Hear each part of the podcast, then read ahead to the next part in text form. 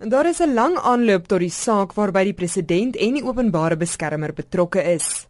Die skikkingsvoorstel is daarom vir Hofman nie 'n verrassing nie, want daar is in die hoofde van argument wat uh, verlede Oktober gerealiseer is namens die president melding gemaak van 'n baie belangrike uitspraak in Bloemfontein, die uitspraak van regter Mohammed Nafsa in die saak tussen die SAIK en uh, die Demokratiese Alliansie. Die uitspraak het te doen met die magte van die openbare beskermer Thuli Madonsela. In die uitspraak is dit duidelik gemaak dat die OB nie net aanbevelings maak nie. Wat die die grondwet self sê is gemik daarop dat sy by magte is om aksie te neem as gevolg van haar bevindinge in enige verslag wat sy maak. En die idee wat eintlik deur die SAIK as ook die president opgeneem is dat nee, sy het nie sulke magte nie.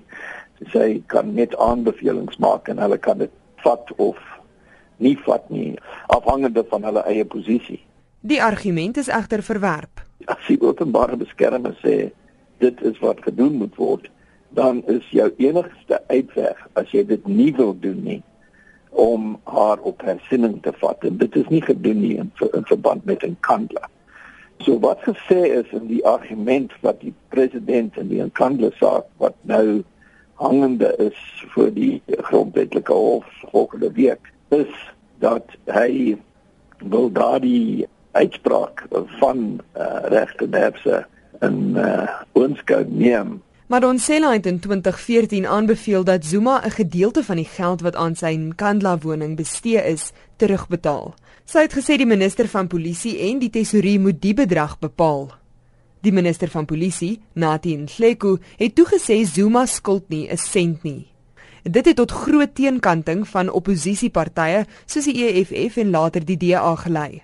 Hulle het die konstitusionele hof genader met 'n aansoek dat Madonsela se aanbevelings van krag moet wees en Zuma moet betaal. Die aansoek sou op 9 Februarie aangehoor word. Hofman sê sou die partye besluit om aan te gaan met die regsproses, gaan dit 'n opdraande stryd wees. Hulle loop die risiko dat in die lig daarvan die die hof sal, sal net sê wel, hoekom moet moet ons nou inmeng wat die openbare beskermer gesoek het word nou aangebied deur die president. Moet hulle nie later terugkom as hy dit nie doen nie. So, wat kan Suid-Afrikaners in die komende week in die verband te wag te wees? Hofman waag 'n voorspelling. Die beskikingsaanbod wat hy nou maak, sal aanvaar word. Die skikking van die saak sal genutuleer word deur die grondwetlike hof. Daar gaan nie 'n hofsaak daaroor wees nie uh, volgende week nie. En daar gaan geleide gemaak word in die in, in die parlement. Die direkteur van die Instituut vir Verantwoordbaarheid in Suider-Afrika, advokaat Paul Hofman. Ek is Henry Wondergem vir SABC nuus.